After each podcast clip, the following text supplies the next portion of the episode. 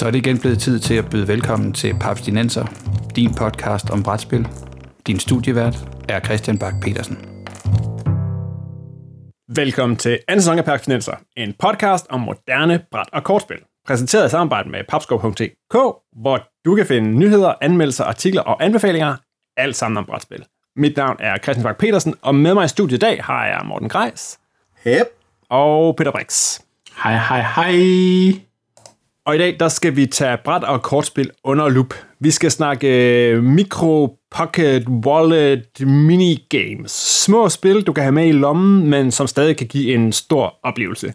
Og til at give perspektiv på det her type spil, der øh, har jeg for i går ringet til Jason Tagmeyer, der er spildesigner og udgiver i firmaet Buttonshy Games, der udelukkende laver wallet games. Men inden vi hører, hvad Jason har at sige, skal vi så ikke lige kridte op, hvilken type spil vi har med at gøre her. Morten, vil du give os et hurtigt ris om de små spilshistorier? Yes. Godt. Mikrospil. Øhm, først og fremmest er det jo ikke en skarp, øh, afgrænset definition, vi har med at gøre her. Øhm, det er sådan en et flydende ting, fordi det er jo ikke ud fra en specifik mekanik eller et specifikt tema, der er tale om. I stedet så er det sådan en ting, hvor vi så nogenlunde enige om, at det skal være småt, og ofte ikke tage særlig lang tid, ofte ikke fylde særlig meget. Altså ofte spil, som har et, et lille aftryk, når man sidder og spiller. Øh, Lovely er et rigtig godt eksempel, det fylder ikke særlig meget. Øhm, det skal generelt heller ikke tage særlig lang tid, øhm, og det skal generelt ikke være særlig stort, men nok den mest afgørende definition øh, på mange mikrospil er mængden af komponenter. Det er ofte det, der ligesom bliver det afgørende, at vi taler om spil med typisk færre end 20 komponenter. Øh, men samtidig med, så skal det helst opfylde så mange af de her parametre som muligt, altså størrelse, plads, øh, varighed osv.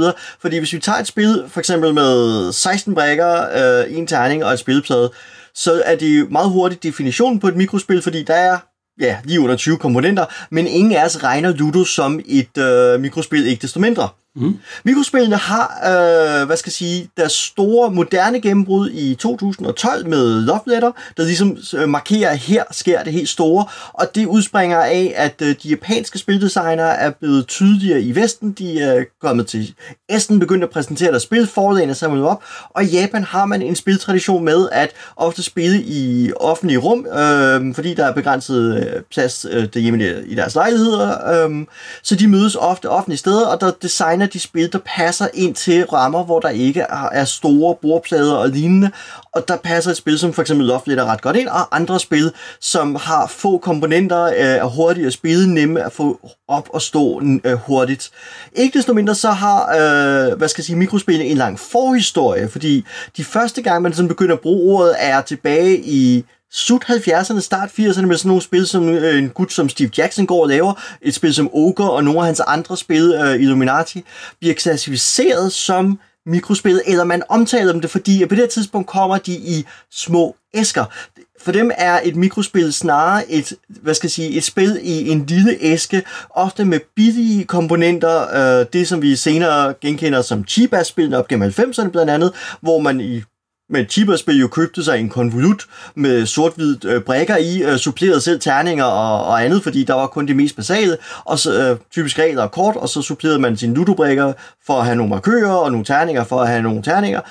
Øh, men mikrospillene et eller starter ud med at være spil i lille emballage, og så har de så relanceret sig selv her i 10'erne som værende spil generelt med få komponenter, selvom den her komponentstørrelse er sådan lidt flydende, fordi den nyeste udgave af Loftet, der kom her, var det 2019, er udvidet fra 4 til 6 spillere, og de ekstra kort, der skal til det, gør, at Love formelt set ryger over 20 øh, komponenter, og ikke er et mikrospil, hvis man tager 6 udgaven, men 4 udgaven er et, et mikrospil. Så derfor er det sådan meget tydeligt, at den der sådan, antal komponenter er en lidt flydende grænse, fordi at hvis vi nu skalerer et spil efter antallet af spillere, jamen så kan vi faktisk skære en frygtelig masse komponenter fra, så kan Ludo gå hen og blive et nanospil, for så kan vi komme ned på 10 komponenter. så, så, så, så det er vigtigt at, sted at være ops på, at det, det er en nemt en flydende kategori, hvor uh, hvad skal jeg sige, at det der ofte gør et spil til et mikrospil eller et wallet-spil er, at vi kan se det er som værende det. Og det er ikke bare af komponenter, der er skaleret ned, altså spillekort i halv størrelse, fordi vi er også alle sammen enige om, at spillekort, uanset hvor små vi gør dem, er stadigvæk et regulært spillekort, og 52 kort ikke er et mikrospil.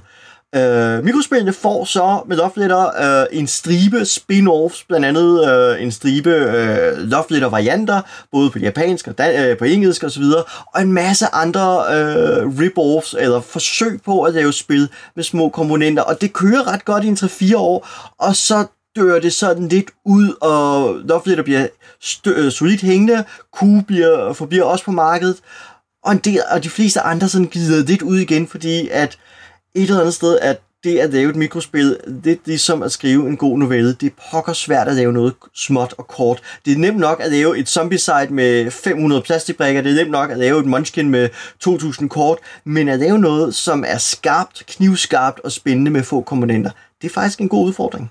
Det er sandt. Og det er jo en af de ting, som Jason Tagmeier, han snakkede om i går. Altså, hvor meget øh, design det faktisk kræver at skabe et spil. Og jeg tror, at de må, have, de må øh, følge den samme gospel som dig, Morten, fordi øh, alle spillene fra Buttonshire Games, de hedder alle sammen 18 kort. de kender reglerne. Det er en sjov designudfordring. Præcis. Mm. Og øh, altså, Jason kommer også til at fortælle om andre ting. Det der med, at de til at starte med, når de skulle lave nye designudfordringer, så til at starte med hed den bare, det skal være med 18 kort. Men senere, så har de jo begyndt at, at tweak den, så den første, de lavede, hvor de havde indskærpet det, der hedder den 18 kort, men alle kortene skal være ens. Hmm. Og det er jo, men skal vi ikke bare høre, hvad en designer og en udgiver af små spil, de har at sige? Fordi Jason Tagmeier og Buttonshire Games, de har udgivet mere end 50 spil, som alle udelukkende benytter sig af ganske få kort. Det er 18 og derunder. Sidste år der udkom Tossy Mossy, som er designet af Elizabeth Wingspan Hargraves, og herhjemme der ved jeg, at en del brætspillere, inklusiv op til flere papsnenser værter, har kastet sig over Buttonshire-spillet Sprawlopolis, som er en brainburner af et SimCity-spil, som jo egentlig kører fra 1 til 4 spillere, men jeg tænker klart det som et, øh, et solospil. Og hele det der med spillerantal, det er en af de andre ting, som, som Jason han også nævner i, i vores snak. Så skal vi ikke høre, hvad han har at fortælle?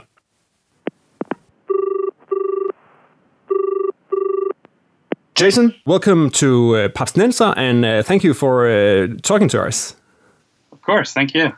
Uh, Jason, your company is called Buttonshy Games, and can you give us like a quick elevator pitch about what it is Buttonshy Games do and publish? So we're kind of the definition of like a mom and pop board game company. We uh, make tiny games. They're, we call them wallet games. They're 18 card games that come in these little tiny wallets, so you can carry them around in your pocket. But what we do a little bit differently is we hand assemble them all here in our little workspace. And currently in my house due to this COVID 19 mess that we're in. But we hand assemble all of our games. We we almost exclusively um, sell directly to the customers. So a couple of our games are in stores, but we we strive for this relationship between us and the customer, and nobody in between. So it's very much a mom and pop indie board game experience in this tiny little package. And should we maybe just uh, put you on a put you on a map? Uh, where is uh, where is the home of Buttonshire Games? We are in uh, New Jersey, uh, in the U.S. We are just outside of Philadelphia, so uh, four miles, a couple kilometers from Philadelphia. Okay. Um, yeah. Cool. Uh, and you mentioned your, your business model that it's almost you sell from from your webpage, but you also have used Kickstarter and you have this cl- board game club. Can you tell me a bit about the way you you work as a company? Yeah, so we um, we release a new game every month, and the way that we do this is uh, via three methods. We sell directly on our website. We sell uh, games through Kickstarter, which usually generates the funding to make you know all of the games. We also have a, a Patreon called the Board Game of the Month Club, and what that does is it, it sort of funds uh, smaller expansions and additional content. And anybody who's on there is is you know getting all of the games that we kickstart monthly, and they get discounts to our website. So it's this whole interconnected, woven group of uh, of different ways to get the same product. So you might have your preference. You might prefer Kickstarter, you might prefer Patreon, you might prefer the website, but they all kind of work hand in hand and and and help each other out. And and this P- Patreon model. Uh, does it give you like a special connection to the customers? Because I don't know how many people are members of the the the board, the Game of Month club. the the Patreon has a little over 700 members, and they they get discounts and access to things, early access and discounts. Um, they yeah, so they're getting almost every game that we release. They get at a discounted rate and sooner than others. But it also is is a place to connect. We we um we use Discord heavily. Discord is our big way to connect with everybody, and there's secret sections on there for patrons. We kind of talk to each other. We give them a lot of um, print and play files and and advance access to games that aren't out yet. Right now, we're testing uh, the Sprawlopolis expansion called Agropolis. It's a farming expansion, and we've given the files to all of them to start testing months before anybody else will see it. So it's a cool little insider club, but it also helps us fund expansions to make these games continue on and on. Okay. Can you tell me a bit about? Uh, you've been running these 18 card challenges. Can you tell me a bit about them? Yeah, so the 18 card challenge is is a fun one. We we've done contests every year to uh, submit 18 card games, but it was simply that there were no additional restrictions. It was create an 18 card game and we'll you know we'll choose winners. And we've published many games out of those contests over the years. Circle the Wagons was the first one that came out of that. Uh, Tussie Mussie came out of that. Many of our games came out of those contests. And at the end of last year, we decided we were going to ramp it up, do them regularly, and add an additional restriction. So we called it the 18 card challenge. And all of them are 18 cards, but, and then we add another restriction. The first of them was 18 cards, but all 18 cards must be identical that one was a ridiculous challenge that we were just talking about internally about what is an identical card game. You know, what is a game that has everything's identical in it, and how can you even make a game with that? It was, you know, we've we've thought about it for months and months and months, and we finally made the challenge and received 229 uh, submissions of identical card games, which blew us away. Wow. Yeah, and it, it's it's hard to imagine even one, and somehow there were 229 out of it. We've published one so far. We have actually two so far. We have another one coming out of it, and we're still scrubbing that list, finding really good games that took that restriction to the max and, and made a great game out of it. We've done four more since with additional restrictions 18 cards, but must be played without a table, 18 cards, but must be based on a real life location, 18 cards, uh, but it must be a legacy game. We just finished that one now. So yeah, there's there's there's a whole bunch of them, and there's many more to come as well. Yeah, and I actually think there's a co- at least a couple of Danish uh, people and designers who's been submitting to these con- these contests. That's great. Yeah, we've seen them internationally. We've seen a lot from from Spain. Spain is really I, somebody must be sharing it there because we've seen so many uh, Spanish designers and uh, just many international. It's been great. Okay we get a lot of uh, there's like a big uh, big group of designers in Denmark and they they work closely together and and and when how to do pitches and stuff and how do you if you have a great idea for a wallet game do you mainly do it through these uh, competition or challenges or can people submit game designs to you or pitches so we get a couple uh, pitches here and there but i try to tell everybody to wait for the contests because there's there's some some really good reasons for it. One is that when we have the contest running, we have the assets to to review and test the games. And when we don't have the contest running, or when we're running the contest on the side, we don't have those assets separately. Ah. So I have a team of, of, of judges that are going to go through the videos and the rules and help narrow these down to the best games. Uh, when when someone sends me one and they just send it to me directly, and I don't have that team, then it could get lost in the shuffle or it could just get my personal taste and not the taste of the group. Yeah. So the the contests are a great way to submit, and it's not the only way, but it's it's a really good way to to um, you know get into our heads. And like I said, we're still publishing games from. We just published one from a contest from two years ago, so we're still going through those lists time after time. So it's a great place to have everything all in one and also on our end, it's a great way to compare them against each other. Yeah. It's a good way to see, you know, this game looks great, but then when you compare it to the one on the side, you know, it's it's much easier to make those those decisions on on what to publish and how. Cool. you are also a game designer and, and had designed some of the, the wallet games that you publish uh, through uh, Button Shy Games.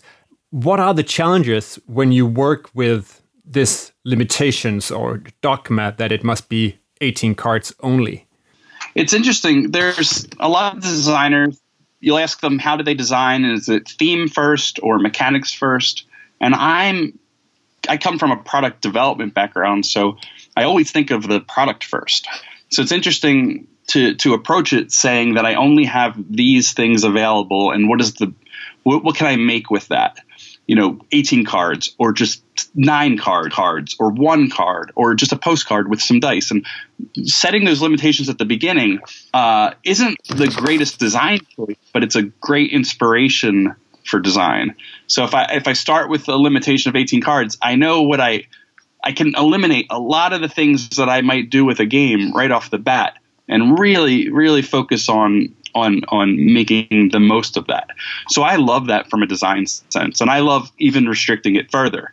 Uh, hence our our contest 18 cards, but but I think it can inspire inspire a lot, and and I've personally kept a diary and used to run a podcast called Design Diary, where we'd look at um, we'd look at a, a word of the day on a dictionary website, and the word might be you know um, package. So I, I try to define package and then think of how that works in a gaming sense. Uh, and then try to sometimes it's not a full game but at least try to get some mechanics out of it get a theme out of it get some inspiration and and that fine you know fine tuning of of my span of design has actually helped open it instead of keeping it closed. So, so it, will it'll help you think outside the box, maybe instead if you have all the dice and all the minis and everything in the world. Yeah, if your if your if your options are endless, then your your brain starts to go everywhere and you can't do anything. And if you think cards only, you really have to think about what you're limited to and and how you can use each card to its maximum potential. You got a, a, lot of games already on your site, but maybe if you should point out a couple of highlights or maybe games where you where your mind's really been blown, but, but what you can do with this limited amount of cards and this small format. Uh, some of the one of the first ones was Circle the Wagons, which we ended up publishing, and I, I go th- I watch their pitch video over and over for inspiration because the pitch nails it. It's only a minute and a half long, and it tells you exactly how to play the game and what's special about it and why it's great in this 18 card format. So what what that game did so well was the the front of the cards are used to create a map, and the back of the cards are used to define your scoring conditions. And the game only uses three scoring conditions for each game. So what it does is it gives the cards multi-use, but it also because you're only using three out of 18, it gives the game so much variability. Um, so I took that as a great maximization of of card of, of, of card space because not only are they using both sides of the cards, not only are they using them in different ways, they're only using a small subset of those 18 cards for every game. So it, it really opens the uh, the size of the game well beyond the 18 cards. We've done other games that do things like that. Like I personally designed a game called Twin Stars, which is a solo game that only uses three cards out of the 18. And it takes that 18 card restriction and, and really burns it down to just almost nothing. So, what can you do with three cards? And then you can randomize those three cards and play different combinations of three cards over and over and over, and it, creates a, a great uh, a, a great 18 card product. And at the same time, games where some of the game happens out of the cards and in the heads of the players is another way to gain design space. Uh, um, you know, anything with some kind of you know social side to it or anything like that the cards don't matter as much as everything else that's going on. So, so there's a lot that you can do. Okay. When you design for this small format or, or wallet games, is it harder or easier to design solo games or games for up to you got games for up to at least four people is, or maybe social games that takes can take even even more players yeah the um the card so the thing about solo games versus anything else is when you have multiple players and and there's any sort of possession of cards. So let's say everybody gets dealt a couple cards. Your assets in an 18 card deck are whittling quickly. If everybody gets four cards, we've only got two left over to do anything else with. Yeah. Um, one of the things that I stand by in most 18 card games is I try to have different card types. So you might have cards that go in hand, you might have cards that sit on the table, you might have cards that are horizontal on the table, vertical. And what it does is it creates the, the same kind of experience as a game that has a lot of components because you've got these cards that all behave a little differently. And as soon as you have a lot of players, that becomes impossible. Most of the games that are three or four players that are 18 cards, you can only have one type of card because you run out of them very quickly. With that, Button Shy has has usually made a lot of two player games because the fewer the players, the more that you can give to each player, and the more options you can have within the game. Solo opens that up even more. It's a certain type of player wants to play a solo only game, uh, but when you can do that, the 18 cards, you can have six different types of cards. You can have all these different things. Uh, it opens up your your um, your card space considerably. Um, and and anything over two players is difficult. The other problem with outside of design with publishing a game that's over two players, um, unless it's something very social or something quick, it's really hard to compete with those big three four player games that have this big box. It's real glossy. It looks it takes up the whole table. It looks really great. When you have this little tiny 18 card game, it's hard to even compete with that. It's hard to get all the players on board to play that. So one and two players is a great player count because everybody knows what you're in for. They're committed to it, uh, and you and you can jump right into it. Okay. Finally, uh, Jason, I've had luck with ordering uh, games from uh, from your website and through Kickstarter, but I know you were in Essen last year, right? And maybe looking at distribution outside America. Is that anything there's in the plans for for Button Games to to have your games easily uh, available in, in Europe? So my um, trip to Essen was 100% to find people there to bring our games to Europe and other countries. That was why I went there. The second reason was to eat all the good food. But um, they, we went there just to find partners. And it wouldn't be so much distribution because, like I said, we hand assemble our games. So our costs are way too high for us to do that, then mail it to you and sell it to, to you to sell to your customers. So we're strictly looking for licensors, and we found some. We've you know we found licensors uh, at Essen, had meetings, and has signed contracts since for different countries: France, Germany, uh, Brazil.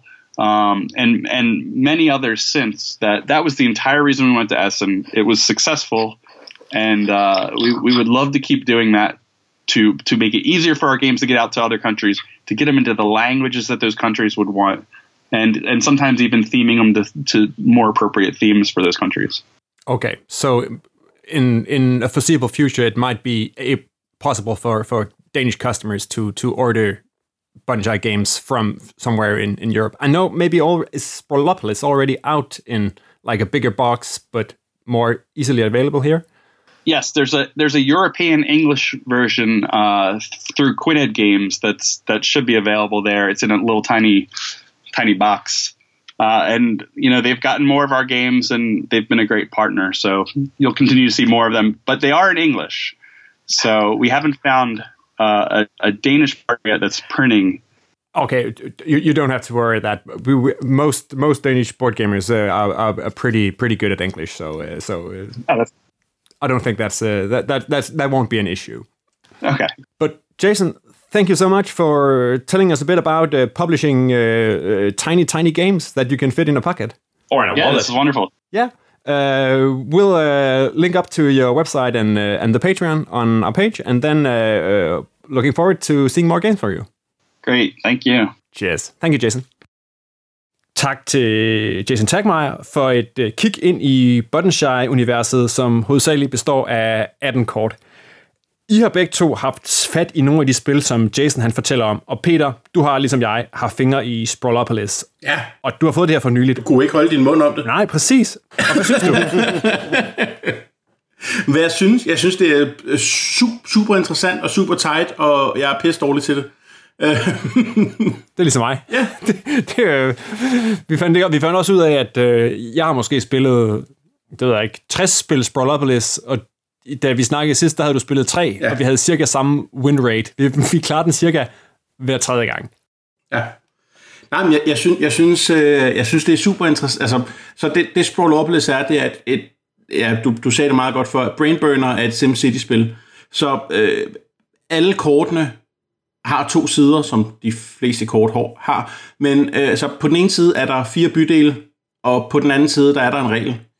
Og måden spillet virker på, det er, at du tager tre kort med en regel og lægger fra, og så resten, det er dem, du skal bygge din by ud fra. Så, så hver spil har øh, ligesom sine egne regler, og det er super svært at få dem alle sammen til at hænge sammen, så du rent faktisk får point nok. Fordi hver kort har så også Øh, hvad, hvordan, hvordan skal man sige det? Øh, alle, alle kortene har... har pointscore, du skal op på. Ja, lige præcis. Så, så, så, så hvis et kort er super nemt at, at klare missionen på, jamen så skal du til gengæld have mange point for at vinde. Det er simpelthen at lægge de tre pointsummen, der står på kortene, sammen, at det den score, du prøver på at slå.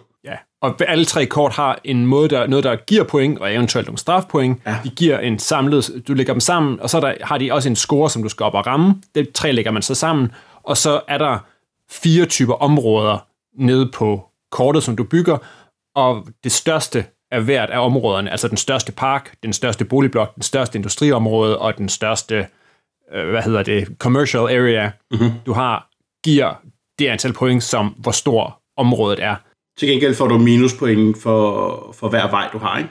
Jo, præcis. Og man vil meget gerne, og der er det her, jeg, altså, jeg bliver frustreret over det, fordi jeg vil gerne, vil, jeg vil gerne når jeg vil bygge noget, så skal det gerne være Carcassonne-style. Mm. Så skal det se pænt ud. det, skal være, det skal hænge sammen. Der skal ikke være mærkelige veje, der slutter mærkelige steder, og bjerge, der støder op til marker på meget brætte fald og sådan noget.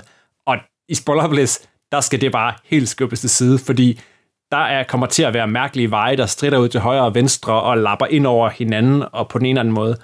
Ja, ja, og, og, og mange af kortene har point for sådan noget som øh, hver vej, der slutter på yderkanten, giver minuspoint, men, men hver vej, der slutter... Ja, inde i byen. Ligesom inde, inde, inde midt i byen, det giver pluspoint. Så du prøver på at få så mange små og det ser her ufærdigt ud, fordi man er vant til Carcassonne, men små, små veje inde i byen, og ingen som helst, der kommer ud mod yderkanten. Og det er bare super, super fint puslespil. Jeg har slet ikke prøvet det flere spillere. Det tror jeg, jeg vil blive frustreret over. Ja, fordi så, så trækker man bare nogle, så trækker man kortene på skift og skal sidde og passe det ind, og så kan det være, at de andre gør det forkert, og ja. ikke følger ens taktik og sådan noget. Jeg synes, jeg synes ikke, umiddelbart står det mig som et klart som et solospil. Ja. Morten, skal vi runde de andre? Fordi du har også spillet et af Button Shy Games, yes. og du nævnte Circle the Wagon, som også var et af de spil, som Jason han øh, sagde, og var en af deres, som en af deres, deres mest markante spil. Måske af dem, der ranker bedst på Board Game Geek, og i hvert fald en, en bestseller, når det kommer til, til Button Shy. Kan du fortælle lidt om Circle the Wagons? Yes, altså Circle Wagons øhm, består jo af 18 kort, der er billeder på den ene side, der er regler på den anden side, man tager tre ud, lægger op, som udstikker reglerne, øh, og så prøver man ikke øh, at opfylde de regler bedst muligt. Det der er et eller andet sted, Circle Wagons og Sprawl Police er hinandens modsætninger. Sprawl Police er et kooperativt spil, Circle Wagons er et kompetitivt spil mellem to spillere, hvor man prøver at opfylde, øh, hvad skal jeg sige, de tre regler bedre, end ens modspiller gør. Så, øh, så vi har en, de her kort, de er delt op i nogle felter, der er nogle symboler på øh, nogle af felterne, og så skiftes man til, at øh, alle de 15 kort, der er, er lagt ud i en cirkel, man skiftes til at vælge kortene.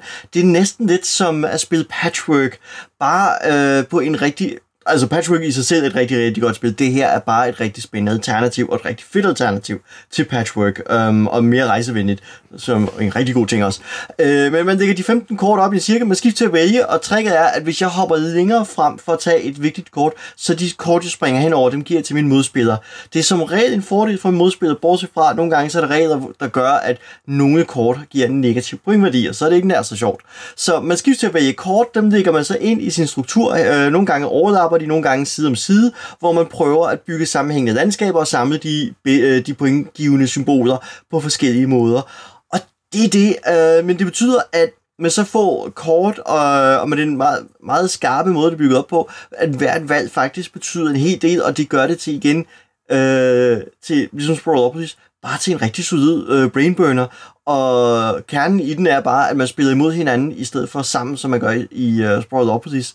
Og det synes jeg øh, er et, et super fedt, øh, meget rejsevenligt to-spillerspil.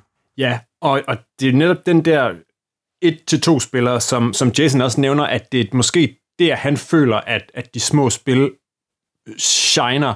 Og, og han nævner i interviewet to ting, ikke, hvor han siger, det første, det er det der med, at, at, at fordi vi har så få komponenter, jo flere spillere de skal spredes ud på, jo mere begrænser det, hvor mange kort man så kan sidde med hver for sig. Ikke? Altså i Sprawlopolis, der får du lov til at sidde og fedt med dine 18 kort selv. I Circle of Wagons, der kan du så pingpong med, med 9 kort, men, men hvis man skal sprede ud over fire spillere, så er det ikke mange kort, der er på næse. Mm. Og så snakker han også om det der med, at, at når man rykker op i 3-4 spillerspil, så bliver alternativen måske bare øh, mere, øh, mere i øjenfaldende, eller så er der bare flere spil, som måske kan lidt det samme. Jeg ved ikke, altså, der findes jo også mange 1-2 spillere, eller mange 1-2 spillerspil, som er fine, som også kommer i større æsker. Men det der med, at, at når man rykker op i den der størrelse og begynder at sidde 3-4, så bliver sådan en lidt unsenlig wallet size med 18 kort, så er den måske bare mindre, øh, mindre logisk at bringe på bærebordet, eller måske er der bare sådan en anden naturlig skepsis overfor, jamen det er jo bare, er jo bare en lille håndfuld kort. Det tror jeg, der er noget om, fordi der er helt klart en psykologi omkring æsker og æskestørrelser, og det kan vi jo også se på mange af de udgivelser, der er, ikke? hvor der er forbløffende meget luft i æskerne, fordi at det gælder om at få blikfang øh, på hylderne, både når de står i butikker, men også når man netop skal overbevise folk om, at det, det her det er et rigtigt spil, det kommer i en stor æske. Mm. Uh, så, så betyder æsken en del, ikke? Fordi hvis du tager et spil som Splendor, som jo næsten kunne have været et, et mikrospil på mange områder, så kan det jo pakke sammen til næsten at fylde meget, meget lidt. Altså, det kan jo virkelig kompromis til, til næsten ingenting. Øh, og der, der er det helt tydeligt, at, at æskestørrelsen har en faktor, og Sprawlopolis det samme. At når man først sætter sig ned og siger, at vi sidder her, vi har et rum imellem os, den her bordplade, den skal ligesom fyldes ud med en aktivitet, og så bliver det psykologisk ret betydningsfuldt, hvor meget øh, det, man dækker ud og fylder op med, hvor meget plads det tager. Og der tror jeg, hvad skal jeg sige, hvis vi alle sammen var tvunget til at spille på nogle meget små cafébroer, så tror jeg, at øh, uh, Sprawlopolis vil have en helt anden betydning, fordi det ville være spillet, du fik på bordet, hvor at et Settlers for eksempel på et lille bitte cafébord bare ikke kan lade sig gøre. Ja, man kan sige, sidste år, da vi øh, kørte til Essen, der havde vi jo faktisk mulighed for at sidde og tage et spil uh, Tossy Mossy, da vi holdt i kø på en tysk motorvej. Uh, jeg vil sige, der havde vi ikke, der er ikke mange af mine spil, jeg ellers kunne have siddet og spillet mm. med en, der sad på forsædet, og en, der sad på bagsædet i en, i en tysk motorvejskø. Lige præcis, og i virkeligheden er det nok en virkelig god test for os at finde ud af, hvad, hvad skal jeg sige, under hvilke forhold kan man spille sine spil, ikke? Kan du spille det i en bil, særligt i en bil, altså en kørende bil, ikke? At det, der er forbistret få brætspil, man kan gøre det med i virkeligheden. Ja. Hvis vi skal kigge lidt ud over øh, Buttonshire Games, selvom de laver nogle rigtig fine ting, og jeg har smidt penge efter deres øh, sidste to Kickstarters, så kan det være, Peter, har du nogle andre bud på, på gode mikrospil? Og så tænker jeg måske også, om det kunne være noget med, at man kunne tænke lidt på på, øh, hvad hedder det, print-versioner, fordi dem er der kommet en del af her under coronakrisen, og det er jo også nogen, som du, som Papsnensers øh, mest markante brætspilsdesigner, vel har noget, haft noget at gøre med sådan nogle, øh, sådan nogle øh, print-and-play-versioner. Hvordan, hvordan føler du, at, øh, at, at øh, det, har, det har formet dig som, øh, som brætspilsdesigner, Peter? og du lægger store, store, store titler på bordet. Ja. Jamen, øhm, altså jeg, jeg havde jo jeg havde en periode, da øh, fruen øh, studerede, og jeg selv studerede, og vi begge to godt kunne lide at spille brætspil, hvor det der med øh, pengene måske ikke var til, øh, til hobbyen. Og der spillede jeg rigtig meget print and play. Altså der er jo helt, altså et kæmpe univers på Board Game Geek af print and play spil. Og øh, ja, jeg har designet et spil, der hedder Sneak Attack, det er ikke særlig godt. I, I behøver ikke uh, track it down. Det var mest af alt, uh, der var en konkurrence på et tidspunkt om at lave et spil, der handlede om sneak. Så, så, så det lavede jeg. Uh, det har fået tre ratings, og average er 5,5. Mm. Uh, det siger lidt om det. Uh, den, den øverste kommentar er fra Sean Gamer i Australien, der siger, There could be a good game here but it needs some work. en god start. Det, det er en god start. Øh, og øh, ja, så, så det behøver vi ikke snakke mere om. Men øh, mikrospil, øh, for at vende tilbage til den. øh, altså det oplagte svar, det er jo øh, i virkeligheden Love Letter. I hvert fald den gamle udgave har jeg virkelig skamspillet rigtig meget Love Letter. Men vi skal gå lidt uden for det. Øh, Mintworks. Kender nogen af det? Yep. Det, jeg, jeg kan kun huske, som at det er spil, der kommer i... Er det sådan pillestørrelse æsker? Ja. Yes. Vi er sandlivet, eller, eller mint størrelse æsker. Ja, præcis. Så, så, så tingen er, at, det skulle, at, at alle spillene fra i den her mint-serie, jeg tror, der er to eller tre, øh, men de, er, de kommer i sådan en mint-æske, og det er måske lige grænsen at kalde det et mikrospil, men jeg kunne spille det i tog uden problemer, så jeg vil kalde den. Mm-hmm. Øh, der er lidt mere end 20 komponenter i. Øh, men som er sådan et, et fint lille, lille spil om, at, øh, altså et lille worker placement spil, hvor brækkerne er formet som små breath mints, og der er øh, noget i retning af øh, 6 eller 9 bygninger, man kan bygge. Øh, så det, det, er, det er rigtigt, man spiller, det tager cirka et kvarter at spille. Det kan jeg godt lide det. Det, det, er, en, det er en fin lille, en fin lille tog, togspil. Og så ellers så skal vi ud i sådan noget, altså så skal vi til at strække definitionen lidt. Det er fint. Fordi øh, er, er, er ganz schön et mikrospil? Yeah. Det er seks, seks, seks terninger og et stykke papir. Det, øhm, altså King of Tokyo bliver jo nemt et mikrospil ud fra den øh, præmis, men, men jo, du... Øh, Hvor bortset fra, der er ved 800 kort i King of Tokyo. Ja, det er rigtig nok, du har ret i, der er for mange kort der. Det er det jo vel teknisk set, hvis vi kigger på komponentstørrelse og lignende, hvor lidt det fylder osv. Så, videre, så, men jeg tror bare, at, at der ryger vi ind i, at... Øh, at transportstørrelsen... Roll, roll and ride-spil er, er, er bare øh, en genre for sig selv, Ja. der ikke nødvendigvis er et Og mikrospil. så også det, at den ikke helt er lommestørrelse. Uh, mange vil gerne også have, at mikrospillene jo, hvad skal jeg sige, fylder for meget. Sandt. Ja, Det giver meget, det giver meget god mening. Ja, det viser sig for os, at nu gik jeg lige ind og tjekkede min, øh, min egen øh, Kickstarter-historik, og det første brætspil, jeg har kickstartet, det var et spil, der hed øh, Coin Age, Ui. som var et øh, pay what you want, area control microgame. Der har jeg også været. December 2013 øh, skal jeg sidde her og skamme mig lidt og sige, at jeg har ikke fået spillet det. Nej, det har jeg. Det har du? Ja. Er jeg gået glip af noget? ja. Nej. Okay. Jeg købte, jeg købte, skal vi prøve en gang at se her, øh, en måned senere spillet Wallet Battles, Ja. som er et øh, micro area control øh, øh, spil, med, hvor du bruger mønter og øh, har form som et kreditkort. Det er præcis det samme pitch, Ah, bare et andet firma.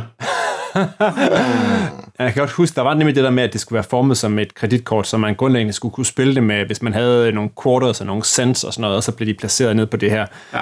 Jeg kan huske, jeg kan huske om det her, om, om Coinage, eller det andet, der kom, som bare netop var plastikagtigt. Jeg må lige finde det. Jeg tror, det ligger i den der konvolut, jeg fik det i stedet et eller andet sted.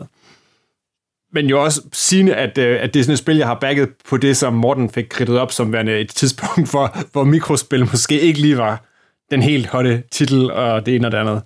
Har vi, ja, det, nu kan vi sige, det er måske sådan en af de her mere sådan lidt øh, lunkne oplevelser. Er der nogle gange, hvor I har oplevet, at spil også kan blive for små her til sidst, eller hvor mikrospillene lige bliver, hvor oplevelsen også bliver ganget ned med 10?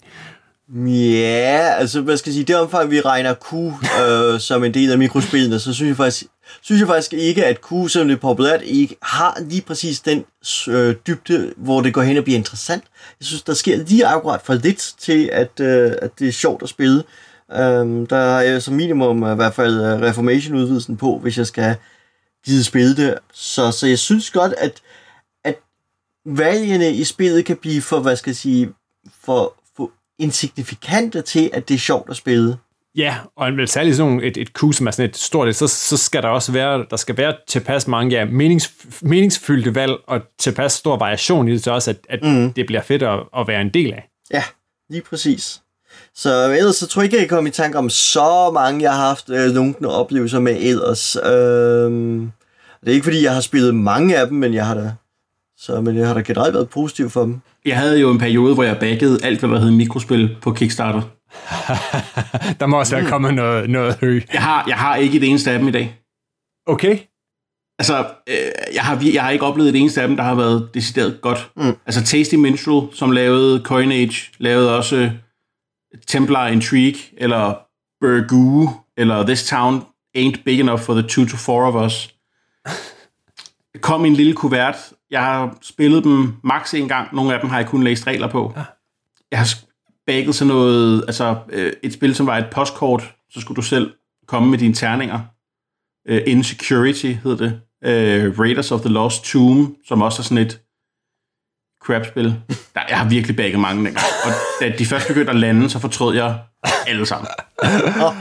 Okay, så, så vi kan sige, altså på en eller anden måde, så, så er, er designerne af mikrospil er måske også blevet, blevet skarpere på, hvad det er, sådan nogle spil skal kunne, fordi øh, generelt så synes jeg, at det virker til, at, at der at, at hvad hedder det, at, at Buttonshire Games for eksempel, at deres ting, de bliver sådan ret veltaget mod, og, og, og der er lagt nogle, noget, noget, noget, nogle tanker i, udover det skal være lille. Klart. Ja. Altså, det, jeg, føl, jeg, føler, jeg føler, der var sådan en periode, hvor at fordi, fordi Love Letter var en ting, og øh, AEG havde en to-tre andre spil, der alle sammen kom i de der poser, Mm.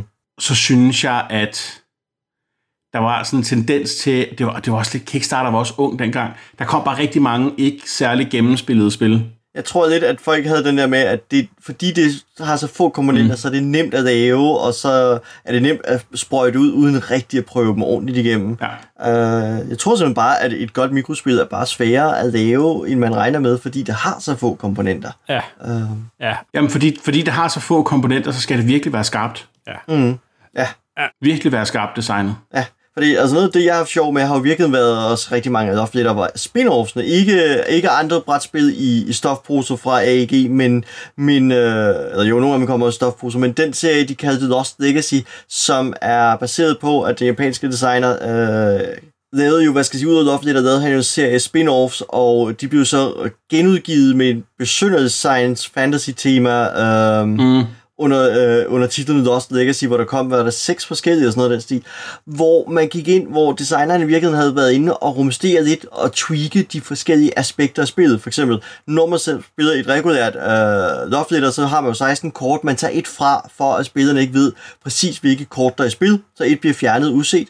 Men i flere Lost Legacy-spillene, der er det kort, der er fjernet, stadig en del af spillet. Det er nu en, et, en øh, pulje af kort, man også kan påvirke. For eksempel lider man i nogle spil efter en særlig skat, og så går jagten på en at finde ud af, hvor befinder skatten sig henne. Er den rådet ud i discardpejlen? Øh, er den rådet tilbage i dækket? Er der nogen, der sidder med den?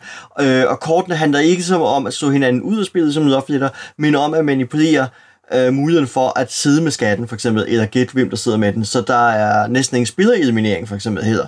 Så jeg synes, at, at, øh, at der på det punkt stadig kan, ja, jo, i hvert fald over Love Letter, kan laves nogle ret spændende vari- variationer, øh, fordi man, når man først har en, en fin skabelon for et skarpt mikrospil, så kan man åbenbart, ligesom med Sprawlopolis og Circuit Wagons, lave nogle, med nogle tweaks for en del variation ud af det. yes. Jeg er ret spændt på at se det nye, øh, øh, siger, ham, der arbejder for udgiveren, men øh, hvad hedder det, Infinity Gauntlet? Lovecraft Letter, oh, en, en, ja. en, en mod alle varianten af Love Letter. Mm. Jeg er lidt spændt på at se, hvad det kan. Ja. Spændende. Cool. Men lad os sige, at vi øh, lukker denne... Ja, den var ikke så, den var ikke så, øh, den var ikke så, så mikro eller mini Mikro. alligevel episode af Papsnenser. Øh, find links til Bunshire Games, både deres hjemmeside og deres øh, Patreon, som, øh, som Jason Tagmeyer øh, fortalte om, på papsnenser.dk eller papsko.dk-podcast. Og har du indspark, så er du altid velkommen til at dele med os på Papskubbers Facebook-side eller på papsnenser Vi lægger også et links ind til, øh, til Peters øh, spildesign, så I alle sammen kan gå ind og ranke det rigtig højt. Husk, at du kan støtte Papsnenser på tier.dk, og så kan du være med i lodtrækningen næste gang, vi udvælger en lytter, der kan vælge indholdet af en bonusepisode. Du kan finde Papsnenser på iTunes, Spotify, Podimo, eller hvor du ellers henter din podcast. Og så er vi også på YouTube, hvor man også kan følge og abonnere. Med mig i studiet i dag var Morten Greis og Peter Brix. Stort tak til Jason Tagmeier for at være med i Papsnenser. Og Papsnenser er produceret af Mike Ditlevsen, Bo Jørgensen og Christian Beckmann. Og mit navn er Christian Bak petersen og på vegne af Papsnenser kan jeg minde om, at det aldrig nogensinde er størrelsen, det kommer ind på, medmindre vi taler om størrelsen på hatte i Dogs of War, så er de store altid de bedste.